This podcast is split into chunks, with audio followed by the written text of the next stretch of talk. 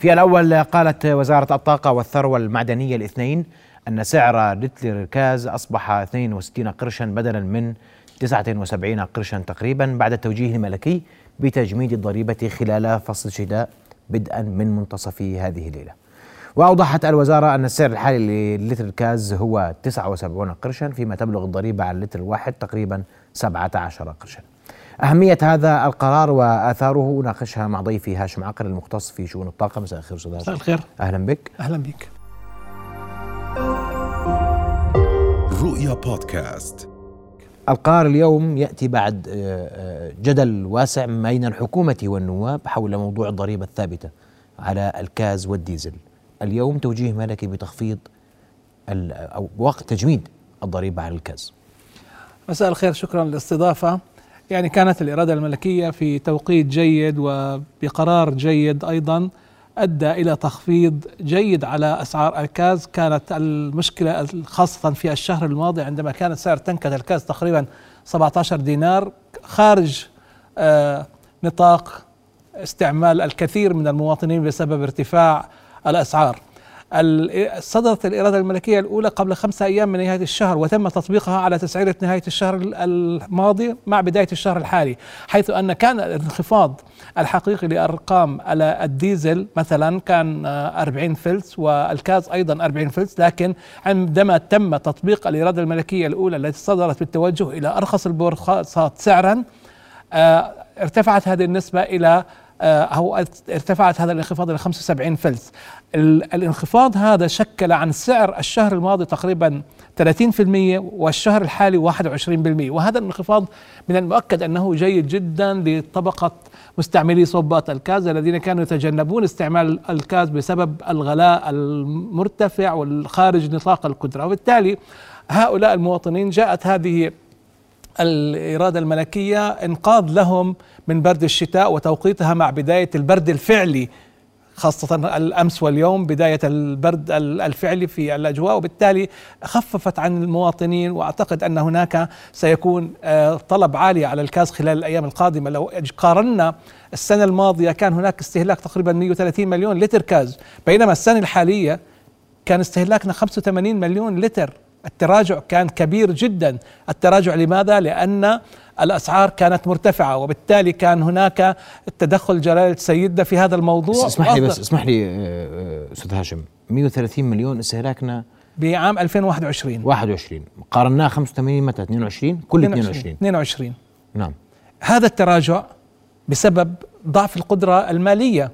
للمواطن وبالتالي كان تدخل جلالة سيدنا في إصدار هذه الإرادة الملكية لتجميد الضريبة خلال فترة فصل الشتاء. والنقطة الأهم من ذلك أن حتى لو ارتفع سعر الكاز عالميا لن يرتفع السعر محليا ولكن إذا تم انخفاض على السعر عالميا سوف ينخفض أيضا.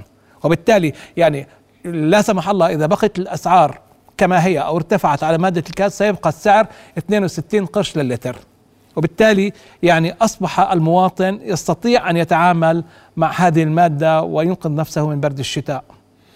اليوم التراجع جاء بسبب ارتفاع سعر الكاز وتوجه الناس إلى الكهرباء و الغاز بدلا من الكاز يعني جزء توفير. جزء كان يتجه إلى صبة الغاز. لا أعتقد أن هناك من لا يستطيع شراء الكاز سوف يتوجه للكهرباء لأن الفاتورة سوف ترتفع للشريحه الأعلى وبالتالي تكون النتيجة مضاعفة واستهلاك عالي من الكهرباء وفاتورة مرتفعة. لا أعتقد أن هذا التوجه. كانوا يتوجهون إلى الأمور التقليدية الحطب وهذه الأمور. الآن باستطاعتهم باستطاعتهم شراء الكاز ويعني التمتع بالدفء بسبب انخفاض هذه الأسعار يعني كانت لفتة جيدة وكان يعني الأبدى والادى بان الحكومة أن تقوم بهذا الإجراء لكن إجراءات الحكومة تحتاج إلى وقت طويل والإرادة الملكية سارية المفعول فورا. نعم. أه، اسمح لي أستاذ هاشم أن أرحب بدكتور صالح الخرابشي وزير الطاقة والثروة المعدنية معنا عبر الهاتف دكتور صالح مساء الخير. مساء الخيرات سيدي مساء الخير لضيفك الكريم ولجميع المشاهدين. كل عام وانت بخير دكتور صالح وسؤالي آه، اليوم تم تجميد الضريبة خلال فصل الشتاء على مادة آه، الكاز والحديث أن الإقبال سيعود للكاز بعد هذا آه، التخفيض والسؤال ما يرافق هذا القرار من إجراءات حكومية؟ تفضل دكتور صالح. آه شكرا سيدي. آه سيدي كل عام وأنتم بخير كل عام وجلالة سيدنا بخير اللي دائما بوجه الحكومة لاتخاذ كافة الإجراءات اللي من شأنها التخفيف على المواطن آه توجيه جلاله سيدنا اليوم مباشرة الحكومة كما أشار دولة رئيس الوزراء آه نفذته لجنة التسعير اجتمعت آه تنفيذ التوجيهات الملكية السامية بتجميد هذا القرار وسيبدأ بتطبيقه مباشرة. اليوم إحنا بنحكي إنه سعر الكاز انخفض أصلا لأنه الأسعار العالمية انخفضت بمقدار تقريبا دينار ونص للتنكة الضريبة أيضا اليوم سيتم تجميدها بمقدار 3 دنانير و30 قرش فالمجموع راح ينزل سعر التنكة آه بحوالي 4 دنانير و80 قرش. يعني راح يصبح سعر التنكة 12 دينار و400 فلس. آه سعر معقول إذا ما قورنت بالأسعار العالمية اليوم. آه نتأمل إنه هذا القرار آه يخفف وراح يخفف بالتأكيد على أخواننا المواطنين بشكل كبير خلال آه فصل الشتاء. إحنا يمكن لغاية الآن إذا بدنا نقارن بسنوات سابقة يمكن ما كان عندنا برد مثل سنوات سابقة فبالتالي يمكن أحيانا تكون المقارنة يمكن ما تكون كثير دقيقة لكن بكل تأكيد هذا القرار راح يخفف على إخواننا المواطنين بشكل كبير. دكتور صالح السؤال أنه إذا ما يعني أنتم خفضتم اليوم جمدتم الضريبة، ارتفاع أسعار الكاز لا سمح الله إذا صار ارتفاع عالميا كيف سينعكس ذلك محليا؟ ثابتة التوجيه الملكي واضح، إحنا خلال فصل الشتاء آه راح يكون الضريبة مجمدة وهذا سقف سعري طول فترة الشتاء. هذا سقف سعري. إذا خفضت الأسعار خفضت الأسعار عالميا سيتم تخفيض السعر. سيتم تخفيضه بكل تأكيد. إذا ارتفعت الأسعار هذا هو السقف. ما راح يتم عكسه. لن يعكس على المواطنين ابدا. صحيح. نعم. أشكرك كل الشكر دكتور صالح الخرابش وزير الطاقة والثروه المعدنيه علقت على التوجيه الملكي والقرار الحكومي الذي وافق هذا التوجيه. أشكرك كل الشكر دكتور شكرا. صالح. اليوم أنا حديث مواطنين هذا قد يفتح المجال القرار اليوم الحكومي الذي نفذ بتوجيه الملكي لعودة استخدام الكاز محليا. صحيح؟ نعم. نعم. يعني شوف قرار هو إيجابي ودائما لا يوجد قرار أو قانون في الدنيا يحقق العدالة بنسبة 100% فدائما هناك ضعاف النفوس اللي يستعملون بعض القرارات لأمور سلبية في المجتمع، لكن أعتقد أن هناك في رقابة وبدأت لجان الرقابة من مواصفات المقاييس ووزارة الطاقه قصدك خلط الكاز بالديزل مش نعم حتى لا يتم خلط الكاز بالديزل. أعتقد أن اليوم 90% من مبيعات الديزل تتم عن طريق الشركات من خلال التنكات التابعة للشركات، وأنا أعتقد أن الشركات لا مستحيل أن تلجأ لأسلوب مثل هذا الأسلوب ولا يعني يوجد لديها مصداقية وأمانة في التعامل وبالتالي هذا مستبعد. فتبقى نسبة العشرة بالمية وأعتقد إن شاء الله أنه يكون عندهم يعني نوع من الرقابة الذاتية والأمانة مع أنفسهم أنه يتجنبوا هذا الموضوع لأنه آه لن يختنوا من هذه القضية لأن قضية العشرة بالمية ليست الكمية الكبيرة وأيضا أن المبيعات عن طريق هذه التنكات الخاصة أصبحت منخفضة جدا وسوف تنقرض خلال سنتين أو ثلاثة م. بالتالي أعتقد أن هناك مراقبة طيب. واهتمام بهذا الموضوع أستاذ هاشم دائما ما كنا نتحدث عن الضريبة التي الضريبة الإضافية الضريبة الخاصة الضريبة المقطوعة التي نعم. تؤخذ على المواد نعم. على المشتقات النفطية وكنتم دائما تقولون كخبراء ومحللين في مجال الطاقة أنه لا بد من تخفيض هذه الضريبة حتى تصبح الأسعار في متناول الناس نعم. الخطوة الأولى ما تم الآن من تخفيض مادة الكاز. هناك خطوة قادمة خلال الشهرين القادمين وهي تفعيل السقوف السعرية. السقوف السعرية إيش المقصود؟ نعم. السقوف السعرية تعني أن هناك سعر محدد من قبل الحكومة لبيع لتر المشتق النفطي بمبلغ ثابت والسماح للشركات بالبيع تحت هذا السعر.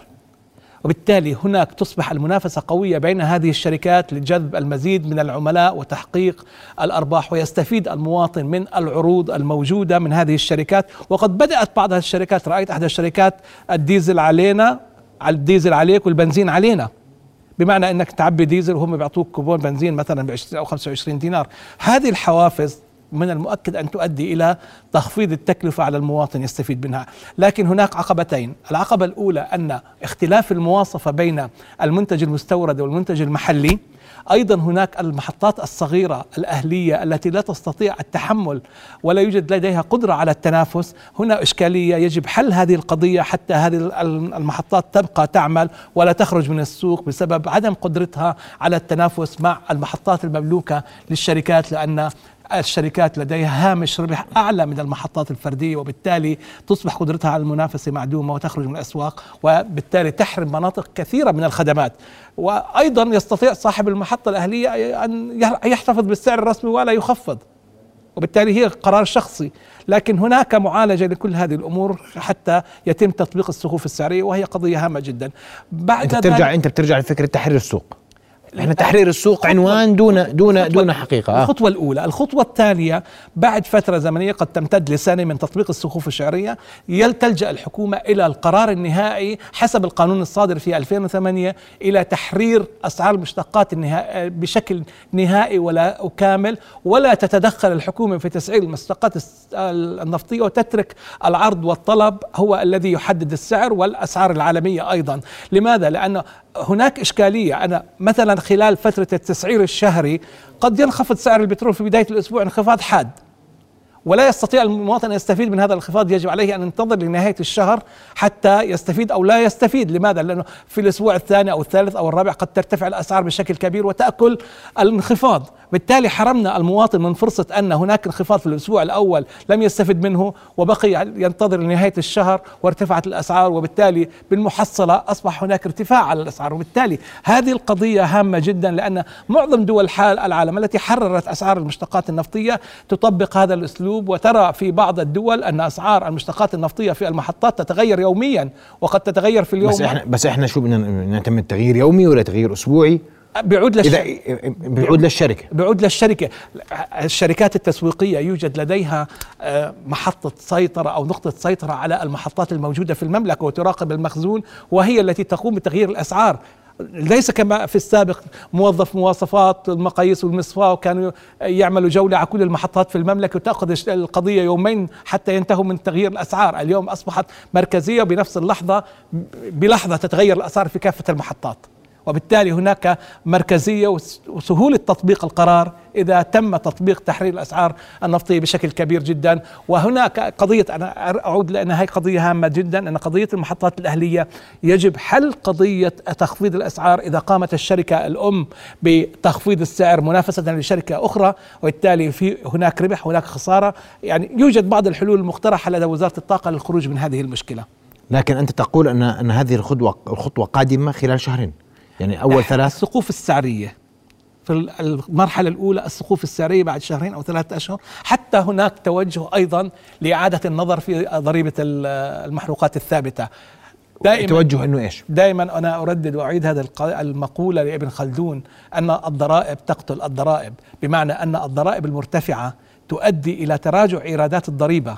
إذا تم تخفيض الضرائب تحقق إيرادات أعلى. والنقطه الأخرى أن إذا تم تخفيض الضريبة بنسبة 50% نفترض على كل المشتقات النفطية الفائض المالي عند المواطن لن يذهب إلى الادخار بل يذهب إلى شراء سلع استهلاكية لمنزله ولاولاده وهذه السلع عليها إيرادات ضريبية تعود أيضا إلى الدولة. اذا تتعدد مصادر الإيرادات أكثر من جهة وبالتالي في النهاية الضريبة قد تكون أكثر مما كانت في آه، السابق. لكن هذا الكلام اسمح لي يا أستاذ كله بيقول لك هذا كلام تنظير ليس حقيقة ليس واقعا. الخزينة لا تبنى على التوقعات.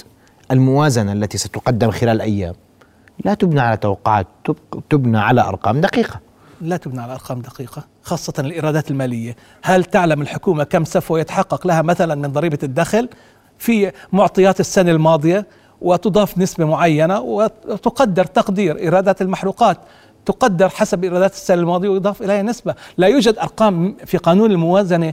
الأرقام الايراديه الايرادات لا تكون مطابقة 100% بالواقع، والدليل ما حدث السنة هذه في قضية ايرادات ضريبة المحروقات، تراجعت ايرادات ضريبة المحروقات بحدود 550 مليون دينار حسب تصريح رئيس الوزراء. تثبيت أسعار كان. بسبب تثبيت الأسعار. طيب يعني في الموازنة 2021 عندما تقدم مشروع الموازنة كان هناك مقدر لها 1100 مليون دينار فبالتالي هذا التراجع أدى إلى إرباك في المشاريع التي تقوم طيب. الحكومة بتنفيذها. أنت أستاذ هاشم تقول أن آه، نحن أمام تفعيل السقوف السعرية خلال ثلاثة أشهر وإعادة قراءة ودراسة الضريبة الثابته الثابتة على كافة المشتقات كافة النفطيه خلال الفترة المقبلة نعم. وهذه أمور تمهد للسوق مثال. المحرر. مثال.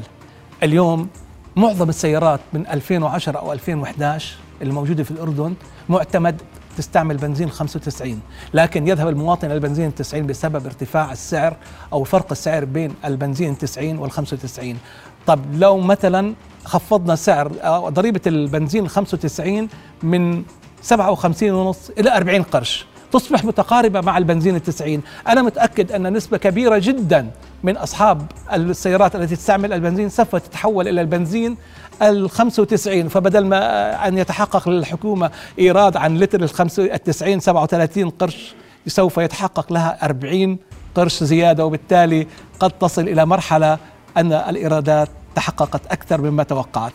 أشكرك كل الشكر المختص في شؤون الطاقة الأستاذ هاشم عقل. كنت معنا في هذا المحور. علقت على موضوع تجميد الضريبة خلال فصل الشتاء على مدى الكاز وأيضا على القرارات المرتقبة من قبل وزارة الطاقة. قديش الدين هذا؟ قديش الدين؟ الدين 10000 20000 100000 بشكل عام. تمام. لما ما إحنا خلينا نحكي فوق ال 100000 بالسجن. طيب. نرجع تحت طيب. ال 100000 خلينا خلينا أكمل. هسه تاجر نفترض أنه دين أقساط مثلا تحت ال 5000 تمام. مثلا 20 شخص. تمام. هاي مبلغ 100000 على أي أساس دينهم؟ دينهم على أساس إنه القانون بال 2018 أو 2019 م. بيحبس القانون آه. الآن بيسمح لك تدين؟ القانون بأثر رجعي بيسمح لك تدين؟ الآن ظلمنا القانون. القانون بيسمح لك تدين؟ القانون بيسمح لك تدين؟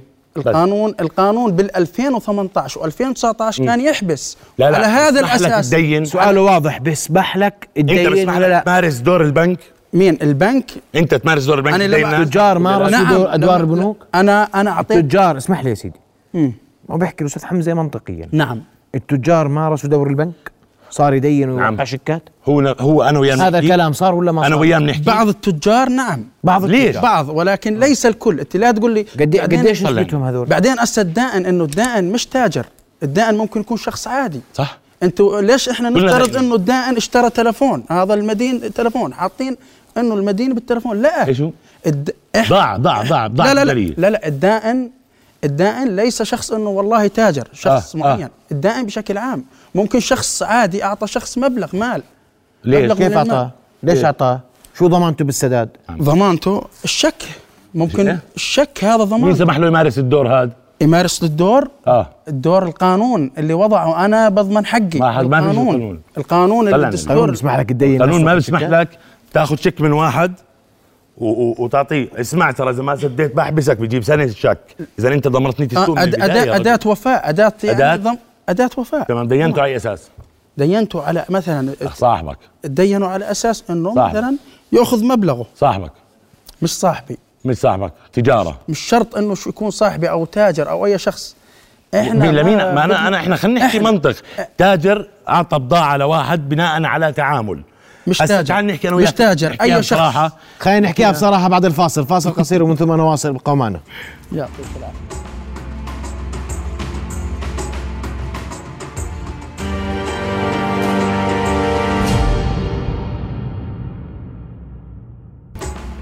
نواصل حوارنا وضيوفنا الكرام. توقفت معك أستاذ حمزة قلت تحكي بصراحة احكي بصراحة. يعني واحدة من من من أبسط القصص. خلينا آه، نحكي مثلا أدوار السابع. في شخص بدين البنات موبايلات.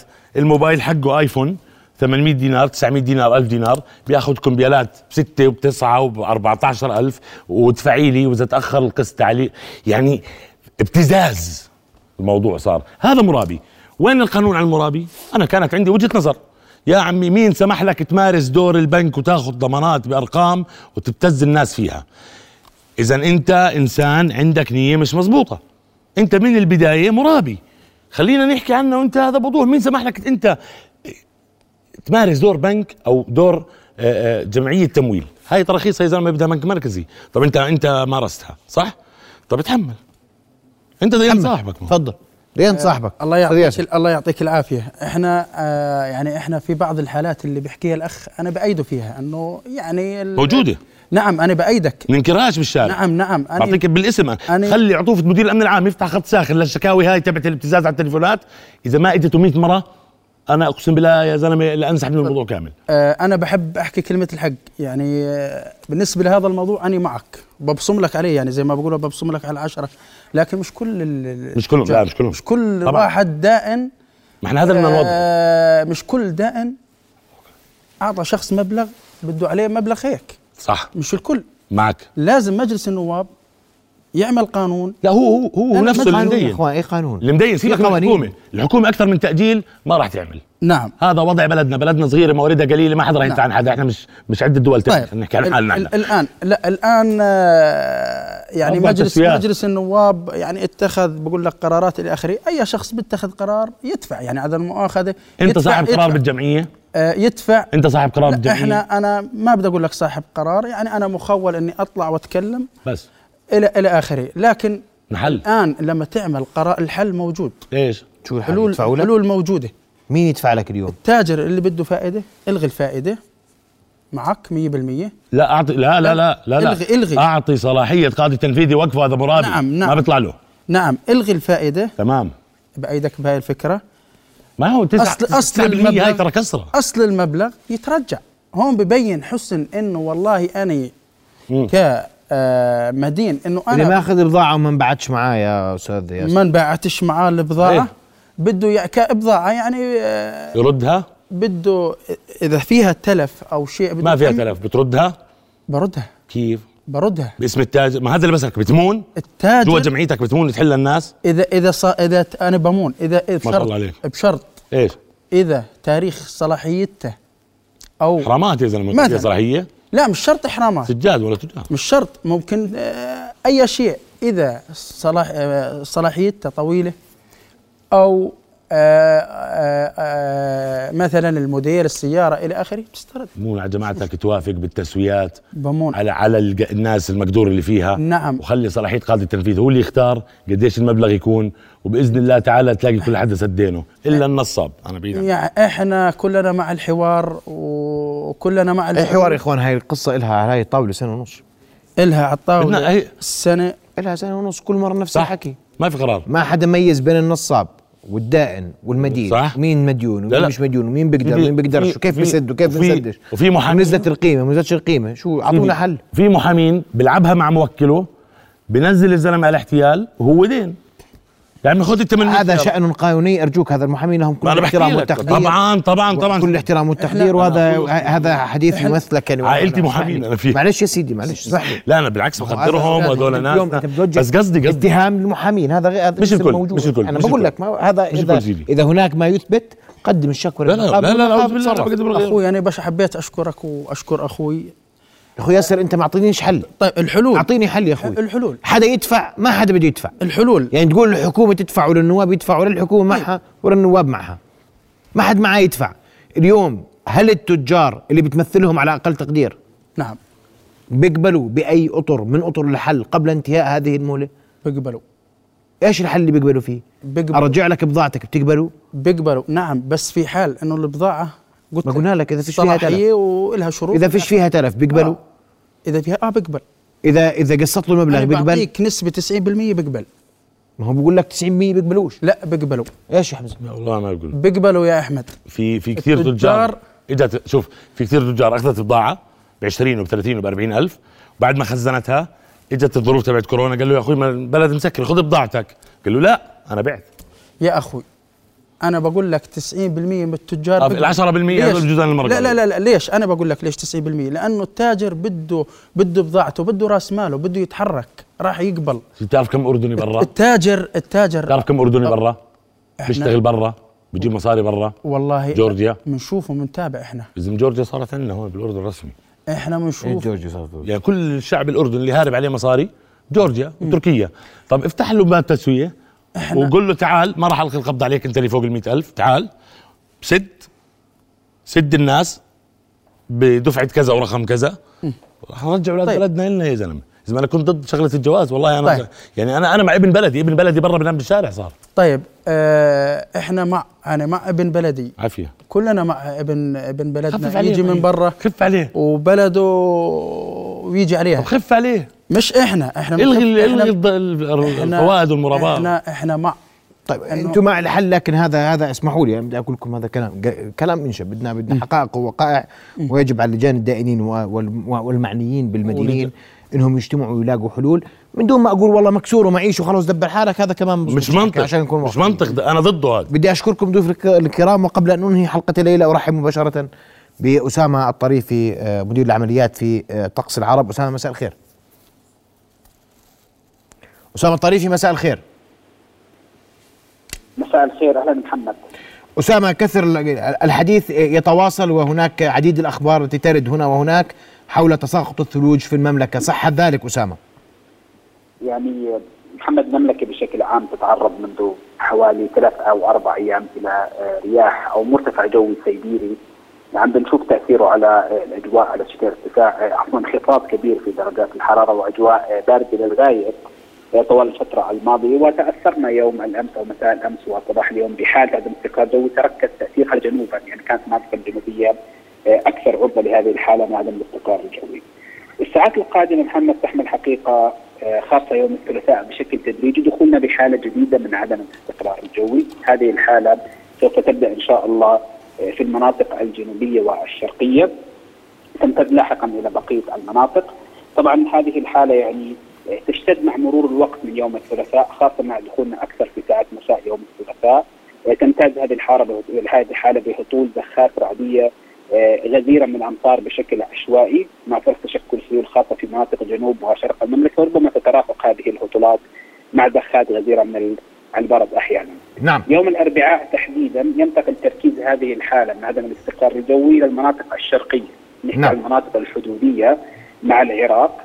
آه هذه الحالة ينتقل تركيزها إلى تلك المناطق وهطولات حقيقة يتوقع هطول هطولات يعني رعديه غزيرة للغاية، هطولات أمطار غزيرة وكثيفة في تلك المناطق تعمل على جرائم الأودية وتشكل السيول بشكل واسع في المناطق الشرقية. ويتصادف يعني في بعض الوقت وجود هذه الحالة الجوية مع تسرب أو اندفاع آه، الرياح السيبيرية إلى تلك المنطقة، بحكي عن المنطقة الشرقية من المملكة، مما حقيقة يجعل الظروف الجوية آه، مهيئة لتساقط زخات ثلجية أو ثلوج على فترات في مناطق البادية الشرقية خاصة المناطق المتاخمه للحدود آه، العراقية ولواء الرويشد. يعني الحالة الجوية يوم ثلج ثلج يعني ولا في الم... أنت بتحكي لما تحكي في هذا به... بهذا المنطق. ثلوج ثلوج نتحدث عن المناطق الشرقية ولا زخات من الثلج؟ يعني المعطيات الأخيرة تحكي إنه في تركز كبير بالحالة. ال- ال- الجوية في المنطقة الشرقية يوم الأربعاء تحديدا أمطار غزيرة للغاية في الطريق الحدودي الواصل مع العراق. يعني يتزامن وجود هذه الحالة مع تدفق لرياح سيبرية كما ذكرت. هذه الظروف سوف تجعل الهطولات الثلجية في تلك المناطق آه، نعم ثلج على شكل زخات ثلجيه وثلوج في المناطق الشرقية، اعيد واكرر المعطيات الحالية تشير لأن فرص الثلج أو الظروف المهيئة لتساقط الثلج فقط حتى الآن في المناطق الشرقية، المناطق المتاخمة للحدود آه، مع العراق ولواء رويشد بحسب التقديرات الحالية صباح و هذا هذا آه، هذا الأربعاء. هذا يوم الأربعاء فقط وهذا الكلام فقط في المنطقة الشرقية الشرقية حتى اللحظة وهنا السؤال عن التطورات أسامة هل من الممكن أن ينسحب هذا الأمر على باقي مناطق المملكة فيما يخص يوم الأربعاء باستثناء المناطق الشرقية؟ لأن المشكلة محمد إحنا حاليا ما نتعامل مع آه، منخفض جوي أو حالة آه، منتظمة من من الهطولات المطرية والانتظام الجغرافي مثل المنخفضات الجوية اللي توصل الدرجة الثالثة والرابعة والخامسة؟ نتعامل مع آه، حاله عدم استقرار جوي ببدايه الارتاز رغم بأنها قوية لأنها عشوائية، المؤشرات الأخيرة بتشير لأنه الأمطار غدا خاصة مع ساعات المساء وحتى صباح الأربعاء آه، واردة في عموم مناطق المملكة، قد تكون هذه الأمطار غزيرة مع زخات من البرد، لكن عملية تزامن الهواء السيبيري البارد بحسب التقديرات الحالية هو فقط يقتصر على شرق المملكة، لكن هل ممكن أن يحدث تغيرات؟ يعني كل شيء وارد في علم الارصاد الجوية، نعم. لكن على الأغلب نتحدث إحنا الآن حتى الساعة حتى مساء اليوم يعني نتحدث فقط عن وجود هذه الفرصة فقط في شرق المملكة نعم. خاصة المناطق المتاخمة للحدود مع العراق. نعم. مدير العمليات في موقع طقس العرب أسامة الطريفي أشكرك كل الشكر على وجودك معنا. كنت معنا عبر الهاتف. أوضحت ما يتم تداوله من أنباء حول آه، وجود موعد المملكة مع الثلوج. وأوضحت أن الثلوج المتوقعة هي فقط محصورة في المناطق الشرقية الحدودية مع الشقيقة العراق. كل الشكر لك أسامة. مشاهدينا الكرام إذا إلى هنا نكون قد وصلنا لختام هذه الحلقة من نبض بلد رؤيا بودكاست.